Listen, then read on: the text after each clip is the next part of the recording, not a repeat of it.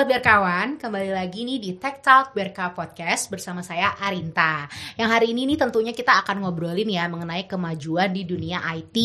Dan hari ini Arinta ditemenin sama dua tamu spesial nih. Yang pertama ada Mas Hidayat dari Departemen CI2B dan juga ada Mas Rizal dari Departemen Solution Architect Cloud. Thank you loh Mas Hidayat, Mas Ya, Rizal sama-sama, udah meluangkan waktunya ya Iya. untuk datang Sama-sama. ke sini pod- podcast kita. Nah, untuk hari ini nih sobat berkawan kita akan ngobrolin mengenai eh, AWS Cloud Migration di mana Mas Ri- Mas Hidayat ini nih sudah berhasil eh, jadi ini sebenarnya lebih ke success story ya sobat berkawan ya. Mas Hidayat ini sudah berhasil membawa solusi AWS Cloud Migration ke customernya nih yang bergerak di bidang industri logistik.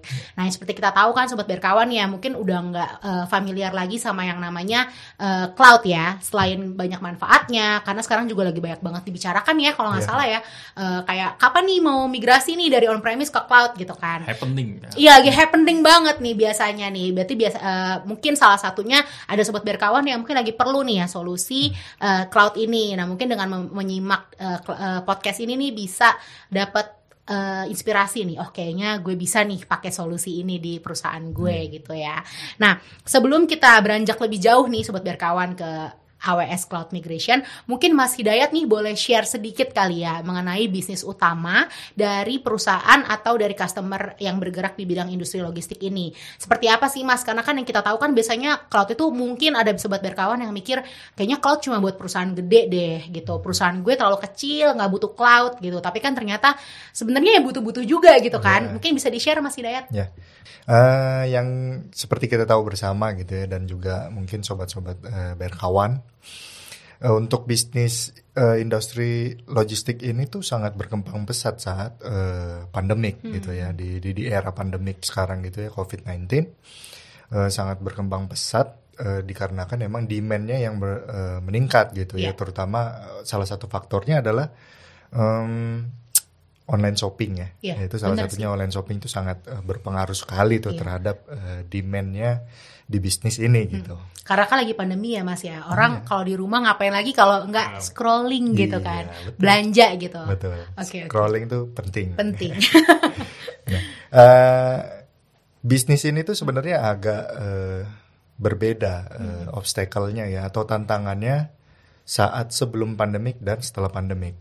Di mana gitu ya, di mana perbedaannya adalah di saat sebelum pandemik itu eh, untuk obstacle-nya adalah sebenarnya dengan beberapa kompetitor mereka yang bergerak di bisnis yang sama Hmm. Iya. gitu ya. Jadi eh, adu-aduan promo apa segala macam Oh, iya, dan segala macam lah gitu. Belum lagi counternya tuh sebelahan gak sih Mas? Nah, iya. Biasanya kan ya Betul, si.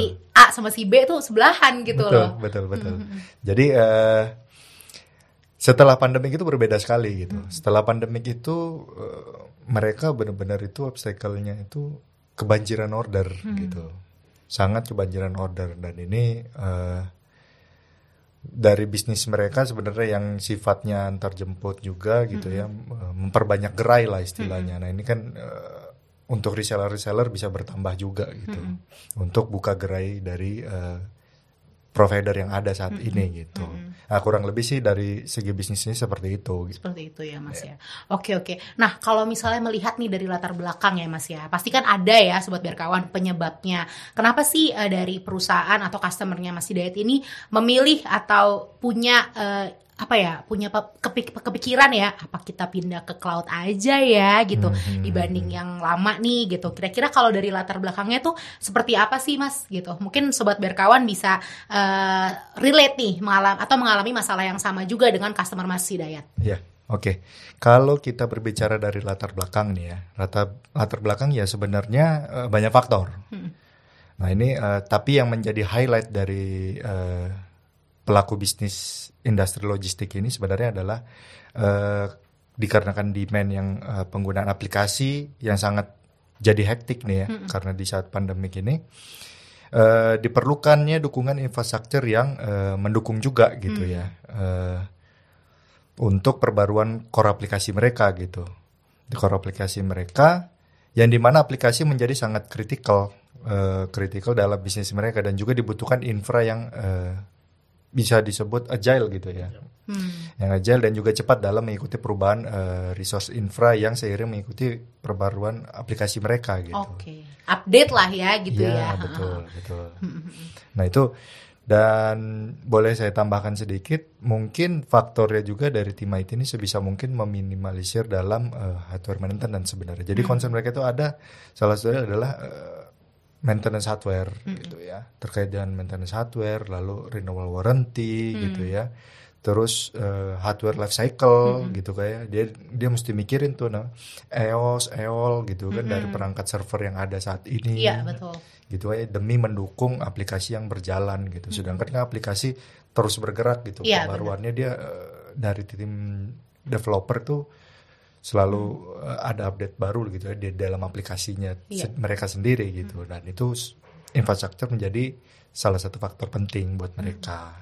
Iya sih, benar-benar karena kadang ya sobat berkawan kalau menemukan case-case di customer ya, misalnya, aduh barangnya udah EOL nih gitu kan, bisa nggak ganti ke tipe baru gitu kan? Ya. Itu cost lagi gitu Betul. kan, belum tentu eh, aplikasi yang sudah jalan ini akan cocok dengan eh, apa namanya hardware yang baru gitu ya, Ya, kayak terlalu banyak eh, penyesuaian ya sebetulnya ya Mas Ya, ya. betul. Oke oke oke. Nah kalau eh, melihat dari latar belakang se- tersebut nih Mas nih, kira-kira solusi seperti apa sih yang Mas Hidayat tawarkan ke customer Mas Hidayat yang bergerak, yang bergerak di bidang industri logistik ini? Nah, kalau dari latar belakang yang udah eh, saya jabarin tadi gitu ya, eh, akhirnya nih kita mengarahkan gitu ya eh, kepada customer tersebut, mereka untuk gunakan nih solusi mungkin dari solusi public cloud nih pak, karena ini udah kayaknya cocok nih dengan eh, latar belakang yang tadi bapak sebutkan gitu ya, concern-concern tersebut itu sebenarnya dari public cloud saat ini tuh bisa provide semua gitu. Nah, eh, karena solusi cloud ini mendukung tuh yang namanya infrastructure reliability, terus juga elastic and scalable gitu ya, dan juga feature proof. Nah, di mana artinya nih ya feature proof ini adalah fitur-fitur yang akan eh, dihadapi oleh eh, tim developer aplikasi ini. Bisa di provide dari eh, solusi yang dari public cloud punya Public cloud, gitu. sudah ready. sudah ready betul. Nah karena kita BRK ini ya kita BRK ini partnership dengan eh, AWS gitu ya, dan kita masuk salah satu advance partnership ya. Ya, betul. Ah, Oke, partnership. jadi level partnershipnya eh, AWS di BRK ya? Ya Oke betul. oke. Nah that's why kita bawa nih solusi dari eh, AWS Oke, gitu. I see, I see. Jadi- Berarti coba kita agak telaah tadi kalau misalnya eh, tanda-tanda gitu ya Hmm. eh, customer ini sudah butuh namanya public cloud itu pertama tadi eh, ada pain pointnya hardware maintenance ya Mas ya. Betul. Terus yang kedua apa tadi Mas? Eh, life cycle, Life cycle-nya ya, lalu eh, feature proof, feature proof, dan ini sebenarnya ada tambahan satu lagi sih eh, lead time. lead time. Karena kan eh, inden itu jadi salah Yes, satu concern iya. ya. Aku dengar-dengar ada yang sampai setahun gitu ya Aduh, Mas ya. Ada, ada, Lama ada. banget sih. Karena memang eh, saat ini kan material constraint. Iya, betul. Gitu. I see, I see. Oke, tadi berarti kalau coba dicatat ya nih sobat berkawan ya, kalau mengalami masalah-masalah yang tadi sudah disebutkan Mas Hidayat, ini adalah tanda-tanda atau eh, sinyal ya buat eh, sobat berkawan ini mungkin bisa cari tahu lebih lanjut nih mengenai public cloud atau AWS cloud ini gitu.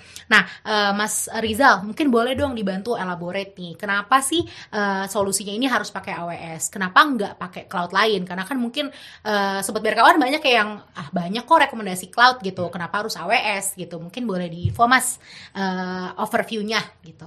Oke, jadi eh, bicara mengenai cloud ini ya, ini eh, pasti orang pada tahu nih kalau namanya AWS gitu ya, Amazon Web Service. Karena apa? Karena AWS ini merupakan salah satu pionir atau pelopor di bidang cloud computing. Ya. Jadi tahun 2006 mungkin dari beberapa sobat berkawan itu eh, taunya Amazon ini adalah kayak eh, E-commerce. e-commerce Yes, ya jualan betul. buku, Iya. jualan apa. Tapi seiring dengan berkembangnya eh, zaman gitu ya, eh, waktu berjalan, eh, si Amazon ini melihat bahwa wah cloud ini akan jadi masa depan gitu ya. Siapa pun akan eh, membutuhkan cloud gitu ya eh, di bidang eh, IT seperti itu.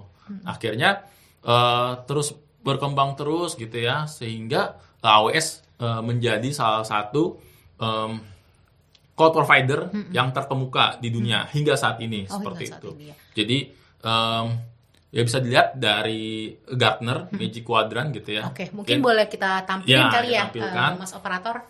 Kita bisa lihat nih ada kuadrannya ya. Betul. Jadi ini salah satu referensi juga bagi para eh, ak- apa ya eh, penggiat IT gitu ya dalam menentukan eh, mau pakai produk apa gitu ya. Jadi Amazon Web Service ini eh, se- secara berturut-turut ya 11 tahun berturut-turut itu ada di paling eh, kanan atas. Oh ya, gitu ya. paling atas ya, leaders ya jatuhnya ya, Mas. Betul. Dan ini nggak gampang loh ya mempertahankan 11 tahun berturut-turut itu ada di paling kanan atas itu nggak gampang dan AWS membuktikannya gitu ya. Itu eh, salah satu eh, bukti kesungguhan gitu ya AWS untuk menjadi cloud provider terdepan gitu ya. Jadi eh, ya secara reliability, fitur itu pasti sudah terbuktikan juga gitu ya, didukung dengan infrastruktur IT yang sudah eh, mature gitu, sudah mateng, sudah komprehensif gitu ya, dari A sampai Z.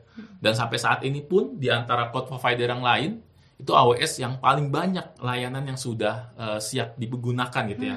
Sampai tahun ini 2022 itu udah 200 layanan yang eh, sudah siap digunakan gitu ya. Jadi eh, benar-benar ya saat ini eh, AWS menjadi salah satu pilihan utama lah bagi eh, bagi para be- apa ya eh, penggiat di industri IT ini eh, untuk pindah ke cloud seperti itu. Oke oke.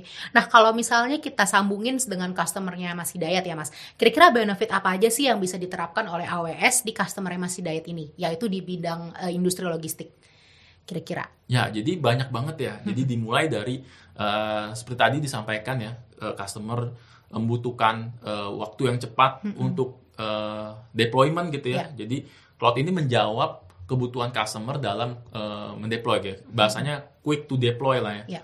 Kalau kita di on premises kita butuh waktu eh, mingguan atau bahkan bulanan ya. Iya. Tadi ya disem- eh, sempat dibahas ya ada material constraint Iya, lah. benar. Itu baru masalah delivery ya, inden segala macam gitu ya. Belum barang sampai pun belum bi- langsung bisa dipakai Iya, kan. harus Di- dikonfigur dulu ya Betul, ya. diinstalasi di dalam rack server gitu ya sampai benar-benar ready dan eh, ya itu takes time dan eh, butuh effort lebih gitu Iya. ya. Nah, sedangkan kalau di AWS ini itu sudah ready to use gitu ya. Jadi kita tinggal provision, butuh server, storage sebesar apa, itu hitungan menit atau jam itu udah bisa langsung bisa digunakan. Itu baru layanan inti dari cloud ya, seperti itu. Nah, belum eh, seperti saya singgung ya ada sekitar 200 layanan lagi itu sudah siap digunakan ya bisa untuk eh, AI ya, artificial intelligence, ada Oke. em, machine learning, ya, IoT dan eh, data lake ya, analitik gitu. Itu masih banyak banget yang bisa dieksplor eh, ketika customer menggunakan cloud ini seperti itu. I see, berarti manfaatnya beneran banyak ya Mas ya kalau digali sekali. digali dan bisa dicocokin gitu ya sama pain-poinnya dari customer-customer yang ada gitu ya.